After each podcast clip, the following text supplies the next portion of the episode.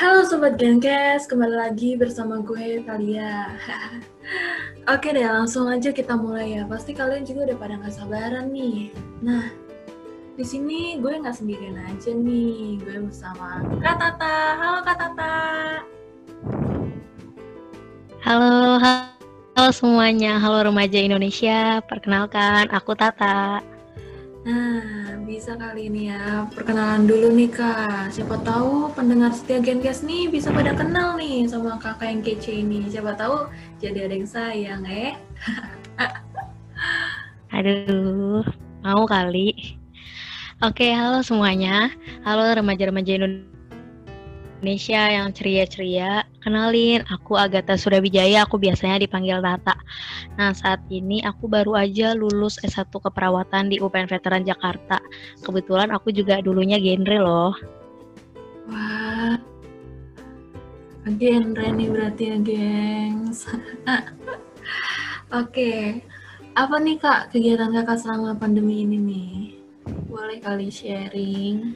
Kegiatan...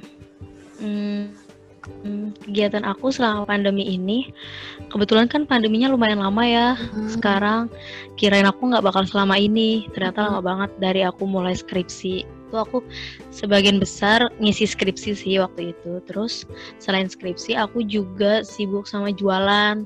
Jualan-jualan gitu. Aku sekarang tuh lagi jual produk kecantikan kayak skincare, terus kosmetik juga aku jual. Terus aku juga mendalami usaha di bidang kuliner juga. Terus Selain itu, aku masih ikut kontribusi di organisasi. Ada organisasinya itu untuk hak KSR gitu untuk kesehatan seksual dan reproduksi. Nah itu aku biasanya tuh jadi fasilitator untuk anak-anak SMA, anak-anak SMA, anak-anak SMP, terus sama anak-anak posyandu, remaja. Di situ aku aku sebagai fasilitatornya. Terus sekarang karena aku baru lulus kan, aku sekarang lanjutin untuk profesi nurse gitu aja sih paling gak sibuk-sibuk banget sih, nggak kayak kata Lia. Gak sibuk-sibuk banget tapi branded semuanya ya kak. Hmm, keren banget ya geng sekarang ini banyak banget kegiatannya dan tiap harinya itu produktif banget nih pasti. Nah, oke sekarang kita akan membahas tentang lima transisi kehidupan bagi remaja nih. Hmm, apa ya itu? Nah, masa remaja itu adalah masa transisi antara masa kanak-kanak menuju masa dewasa. Secara umum, masa remaja ini merupakan masa transisi yang paling sulit dalam hidup nih. Dimulai dari perubahan fisik, perubahan emosional, perubahan tingkah laku, serta pikiran yang membuat anak muda itu mengalami krisis identitas dan tidak merencanakan terlebih dahulu nih pilihan-pilihan yang mereka ambil. PN Rentang usia remaja adalah 10 sampai 24 tahun dan belum menikah. Hmm, pasti kata Tani juga udah tahu nih usia-usia remaja nih. Nah, lalu nih sifat khas dari remaja ini tuh yang mencirikan itu pasti kita udah tahu semua nih seperti rasa ingin tahu yang sangat besar menyukai petualangan menyukai tantangan dan cenderung berani mengambil resiko-resiko atas perbuatannya tanpa didahului oleh pertimbangan yang matang nih sobat. Nah, melalui program genre ini, remaja itu dibina dan diarahkan untuk mampu menjalani masa transisi kehidupan remaja. Kak Tata, udah tahu belum nih Kak, masa transisi remaja itu ada berapa ya Kak? Tahu dong, ada lima kan? Nah, mantep banget nih gengs, masih inget nih. Nah, jadi yang pertama itu ada melanjutkan pendidikan, mencari pekerjaan, memulai kehidupan berkeluarga, menjadi anggota masyarakat, lalu yang terakhir adalah mempraktikkan hidup sehat. Nah, Sobat nah, Genkes, betul tuh Kak. Udah tahu nggak sih nanti kita di 2030 kita akan menghadapi bonus demografi loh. Dan bonus demografi ini akan berhasil membawa Indonesia pada kemajuan apabila remaja dapat merencanakan kehidupannya serta bisa mengembangkan life skills-nya. Sehingga nih para remaja yang sehat dan berkualitas dapat berkontribusi menjadi remaja yang anti bencana. Nah, Kak Tata, sekarang kita kayaknya ngobrol-ngobrol santai aja nih. Menurut kakak nih kak, bagaimana sih kak pendapat kak Tata nih tentang pendidikan sekarang ini kak? Apakah remaja yang milenial sekarang ini sudah dapat memanfaatkan dan memaksimalkan pendidikannya dengan baik? Atau justru ya udah yang penting kelar aja nih sekolahnya yang penting lulus. Nah, kan banyak nih ya kak case seperti itu. Gimana nih tuh kak? Iya ya kelihatan banget sekarang apalagi Hmm. masa pandemi ini kan. Bener. Eh, orang-orang tuh bukannya berburu untuk mencari pendidikan seluas-luasnya untuk meningkatkan life skillnya dan sebagainya tapi Hmm. mereka berpikir ya udahlah daripada gua nggak lulus daripada gue nggak ini daripada gue nggak itu banyak berpikiran pendek seperti itu padahal harusnya meskipun saat pandemi ini mereka tetap bekerja belajar dengan giat bekerja keras Hmm. dan sebagainya kan seharusnya dan menurut aku pendidikan saat ini gimana ya mungkin emang udah maksimal dari pemerintah untuk menjalankan pendidikan secara daring meskipun banyak yang menentang dan juga banyak juga kan yang nggak setuju adanya daring banyak ya kelemahan dan Mm-mm. uh, kesulitan yang kita hadapi saat daring. Tapi ya mau gimana karena lagi pandemi mungkin itu yang terbaik. Kita doain aja biar Indonesia cepat pulih. Betul nih kak. Apalagi banyak nih alasannya kayak, duh susah ngerjainnya nggak bisa ke perpus lah, bukunya nggak ada. Padahal kan sekarang banyak banget ya kak ebook-ebook di internet. Betul. Hmm. Kadang alasan aja ya mahasiswa Iya, atau bener. kadang siswa-siswa yang masih SMA, SMP uh, untuk apa sih ada aja gitu alasannya untuk mereka nggak Hmm. mengerjakan. Padahal sekarang internet udah canggih loh ya. Bener kita udah zamannya milenial, nggak mungkin banget kita nggak tahu internet. Terus uh, se- selain itu kalau misalkan mereka malas baca e-book, ada loh sekarang media pembelajaran yang secara daring juga yaitu dari video, ya nggak sih? Hmm. Banyak kan video yang mengajarkan edukasi-edukasi. Apalagi kakak tahu kan pasti TikTok. Mm-mm. Sekarang bukan cuma bukan cuma untuk kesenangan dan kehiburan aja, tapi ada juga untuk konten-konten edukasinya. Nah, bener banget. Jadi kayak ilmu itu justru semenjak kita dalam pandemi ini kita jadi semakin terbuka gitu ya kak. Kayak kita sadar nih wah ternyata ilmu tuh dari mana aja tuh ada gitu. Selama ini kan kita hanya mikir dari buku dari buku dari buku buku yang dicetak. Nah, kan kita cuma mikir iya itu betul. doang.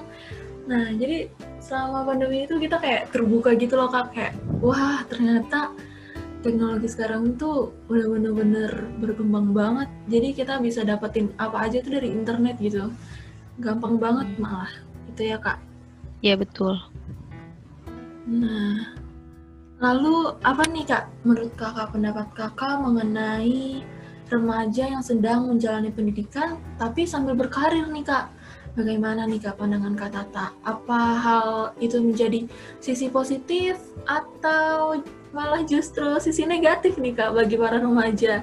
Karena mereka belum menyelesaikan pendidikannya kan kak? Kan ada tuh karena kerja karena karir jadinya nggak fokus nih kak sama pendidikannya nah itu Iya, gimana ada. tuh kak pendapat kakak Eh, kalau menurut aku sendiri, sebenarnya belajar sambil berkarir itu nggak ada salahnya ya, karena Hmm, eh, kita sambil berkadang orang yang nggak berpen- nggak sekolah pun mereka bisa belajar dari karirnya gitu nggak sih? benar. Karena menurut aku belajar itu dari mana aja. Tapi kalau konteks di sini misalkan kayak orang-orang yang masih belajar tapi dia terpaksa berkarir karena kesulitan ekonomi, itu menurutku ada sisi positifnya sih karena mereka semaksimal mungkin untuk mengusahakan dan menyeimbangi keduanya. Nggak masalah mereka kalau mau uh, belajar sambil berkarir juga nggak apa-apa, yang penting seimbang. Jangan uh, jatuh sebelah gitu sih menurut aku.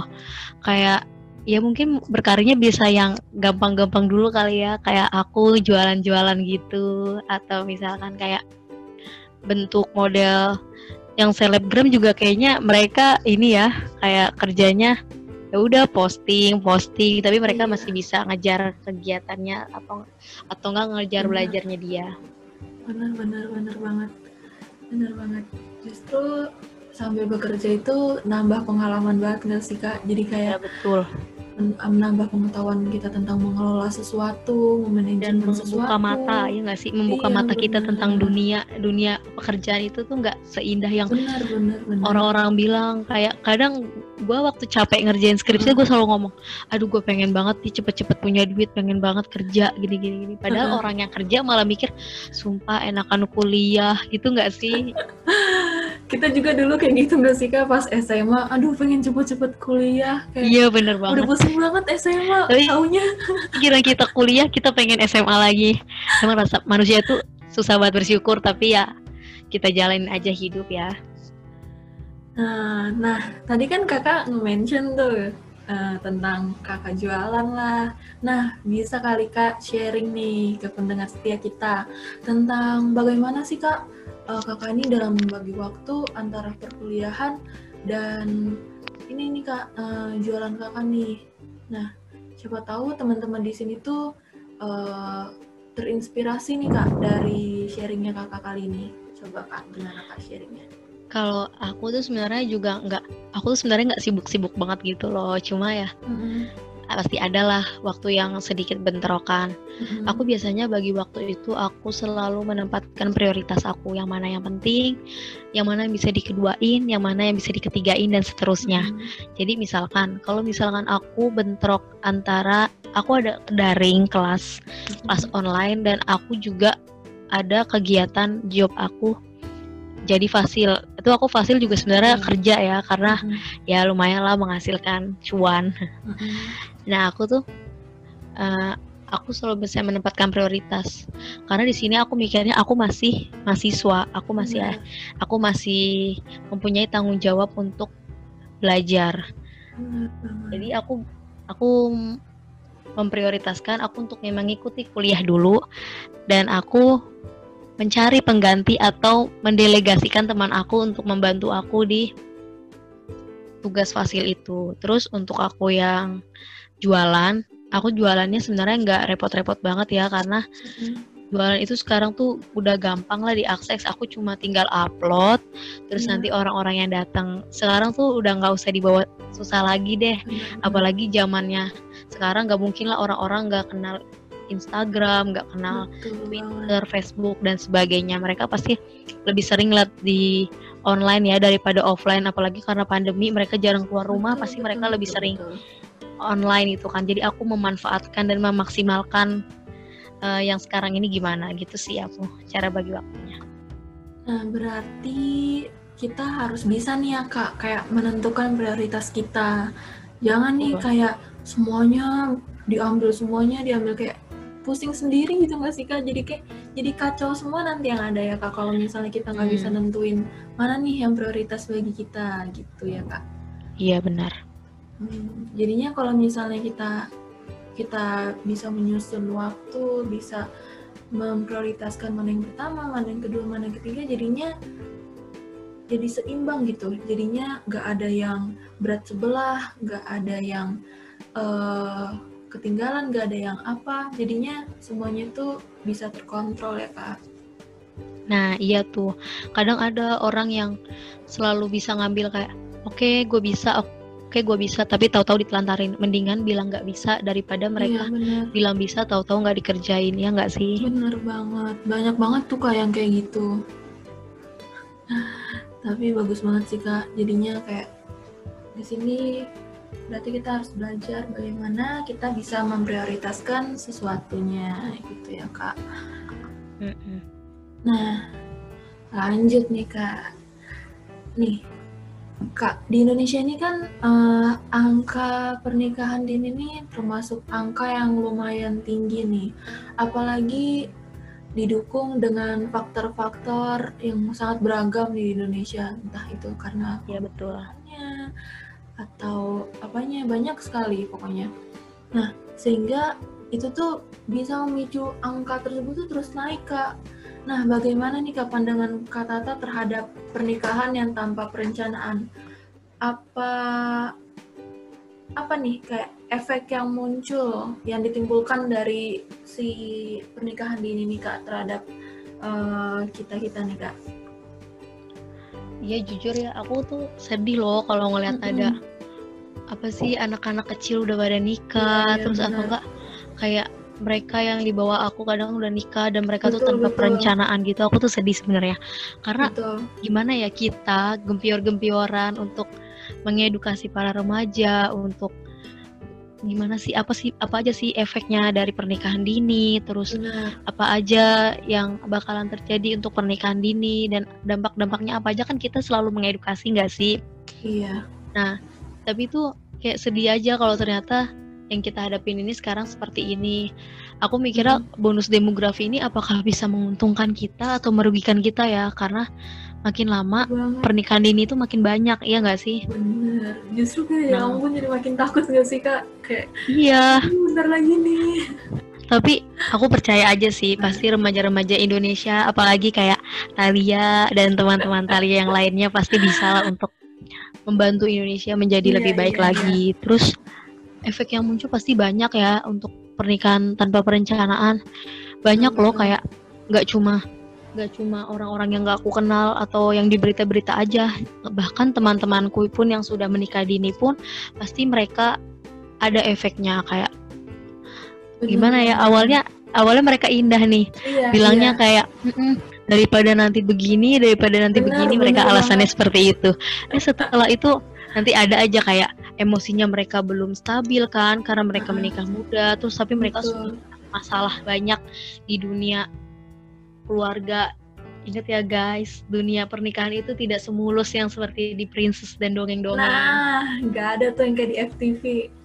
Ya betul banget kan kayak terus kamu tuh udah harus mikirin ekonomi ya ampun gila aku udah nggak mikirin itu gimana tuh ekonomi kalau aku nikah gimana sih maka aku lagi gembira-gembira untuk ngumpulin duit biar nanti kalau aku nikah tuh ya udah tinggal santai gitu aku pengennya Bener banget Terus- sih. pendidikan mereka pendidikan cuma sampai makanya misalkan sampai di bangku SMA aja Bener. Banyak banget kayaknya kayak kurang nggak gitu. sih sedangkan kita aja harus mengedukasi Iya, anak kita bener, nanti Bener. Ingat loh, tempat pertama pendidikan untuk anak itu adalah dari keluarga. Pasti nggak lupa dong sama fungsi keluarga. Nah, pokoknya tempat pendidikan, terus tempat spiritual pertama juga itu dari keluarga. Nggak mungkin dari orang lain ya nggak sih? Karena kita yang sering Benar. ketemu sama anak kita nanti, sering ketemu sama keluarga kita nanti. Terus emosi, itu sih efeknya tuh dari pernikahan tanpa perencanaan. Udahlah, pokoknya aku skip banget untuk nikah tanpa rencana. Mendingan aku jomblo dulu, persiapin yang baik-baik dulu ya nggak tahu. Bener banget, bener banget. Kayak eh, kita aja nih, kan eh, kakak eh, udah masuk nih kan sebenarnya kayak usia eh, yang ideal untuk menikah nih kan usia ideal menikah itu 21 cewek dan 25 cowok nih. Kita aja masih 21 nih ya kak kayak Aku Ya masih jomblo. Aduh guys, kayak, ma- kayak ya ampun masih kurang banget gak sih kak kayak ya ampun Bener. segi- segini aja Aku 21 mikir, hmm, masih eh, aduh masih kurang banget deh nggak bisa banget dibilang Parah. siap aduh aku duit aja kayak kadang masih minta orang tua, kayak malu Bener. banget. Mendingan aku kayak udah nggak apa-apa, aku jomblo dulu. Yang penting nantinya pas nikah aku tinggal foya-foya dan enak daripada sekarang mikirin kayak bener bener mereka mereka mikirnya gampang nanti ya yang penting mah udah nikah mah enak Iya. dikerjain bareng-bareng. Iya oh my god itu nggak itu nggak berlaku men. Kayak awalnya doang itu pasti kayak iya gitu. awalnya indah pasti. Lah. Ya gitu guys. Pokoknya skip banget ya untuk pernikahan tanpa perencanaan. Kayak apa sih kalian bikin Indomie aja pasti ada rencana nggak sih ngambil Ada ya, dulu? Kak. iya kan? Buka bumbunya dulu dan sebagainya. Terus kalian pasti mikirin dong kalian mau makan mie apa nih? Mie kuah apa? Mie goreng? Ya nah itu aja kayak milih. Hmm. masa masa kalian nikah nggak mikir-mikir sih? Nanti dampaknya gimana? Enggak sih? Aduh. Pokoknya harus direncanakan dulu ya teman-teman. Bener banget. jangan Apalagi sampai inget pesan aku. Mm, apalagi kita nih mahasiswa kesehatan pas lagi di rumah sakit aduh banyak banget nih kak kasus di mana eh, remaja udah melahirkan tapi anaknya ini prematur kak jadi belum Iya. matang aduh belum sedih matang banget sih dia sedih banget reproduksinya iya Jadi Gimana orang ya, tuanya kamu udah siap. Jadi menanggung beban yang Iya. lebih kan? Bener, nggak sih? bener Seharusnya banget. Gimana ya seharusnya di umur segitu kalian tuh masih happy happy sama teman-teman kalian Bener, masih main bareng betul masih pengen kayak ya udahlah ayo manfaatkan uang kalian misalkan kalian udah kerja manfaatkanlah uang kalian dulu Iya. Betul. sendiri kalau kalian udah kerja tuh pasti eh kalau kalian udah nikah tuh pasti kalian mikirnya aduh belum buat susu anak aduh belum buat Iya. ini Uang aduh belum buat listrik. itu iya uang listrik air dan sebagainya pokoknya Justru aku makin pengen beban sukses dulu. gitu ya kak. iya benar. Kan ada orang tuh yang mikir, eh, duh kalau gua nikah nih, aduh indah banget deh, semuanya Hmm. bakalan lepas deh, karena kan kita berdua, Fred. kerjanya bareng-bareng. Kan susah senang ditanggung bersama. Aduh. Itu nggak ada. Mendingan seneng-seneng ditanggung bareng nggak sih? Bener, bener, bener, bener. Mending nih masa muda kita tuh kita isi hal-hal yang positif, hal-hal yang produktif. Kita cari nih apa nih eh, kemampuan kita, kita eh, Perbanyak kita di skill. mana. Iya, bener banget. Kita kembangin. Nah itu kan Hmm. bisa, oh mantep banget deh. Jadi kita nanti juga lebih siap gitu menghadapi bonus demografi yang akan datang nih Betul. karena nanti nih di bonus demografi ini eh, usia-usia produktif ini sangat banyak nih kak. iya apalagi di zaman pandemi ya. Hmm. mentang-mentang di rumah aja yang nambah malah anak. Ya nggak sih? Aku aku pokoknya berharap banget ben- bonus demografi ini tuh bisa menguntungkan. Apalagi untuk rema, apa apalagi kalau remaja-remaja ini dipegang kayak model Thalia dan Gen Rangers lainnya ya Bener banget. Nah, bener pokoknya aku berharap banget biar remaja-remaja Indonesia ini bisa produktif dan punya skill yang bagus juga nantinya Bener. Karena ya kita nih ujung tombaknya negara ini kita nih para remaja-remaja ini. Kalau bukan kita ya siapa lagi ya kan kak? Heeh, siapa lagi yang bisa ngerubah nggak ada kita yang bisa ngerubah Bener banget. Nah makanya nih sobat-sobat muda semua nih, kita nih harus kita rencanakan nih apa nih plan kita ke depannya. Kita kemampuan kita di mana nih kita harus melihat nih. Oh kemampuan aku di bidang ini nih. Oh berarti ah, aku kayaknya harus ngembangin ini deh. Nah itu kan bisa menjadi suatu kesempatan yang besar buat kita, bisa menjadi suatu peluang yang besar bagi kita sehingga ke depannya kita bisa menjadi eh, remaja yang produktif dan siap menghadapi bonus demografi. Wah, bener banget tuh kak. Benar, benar, benar, benar.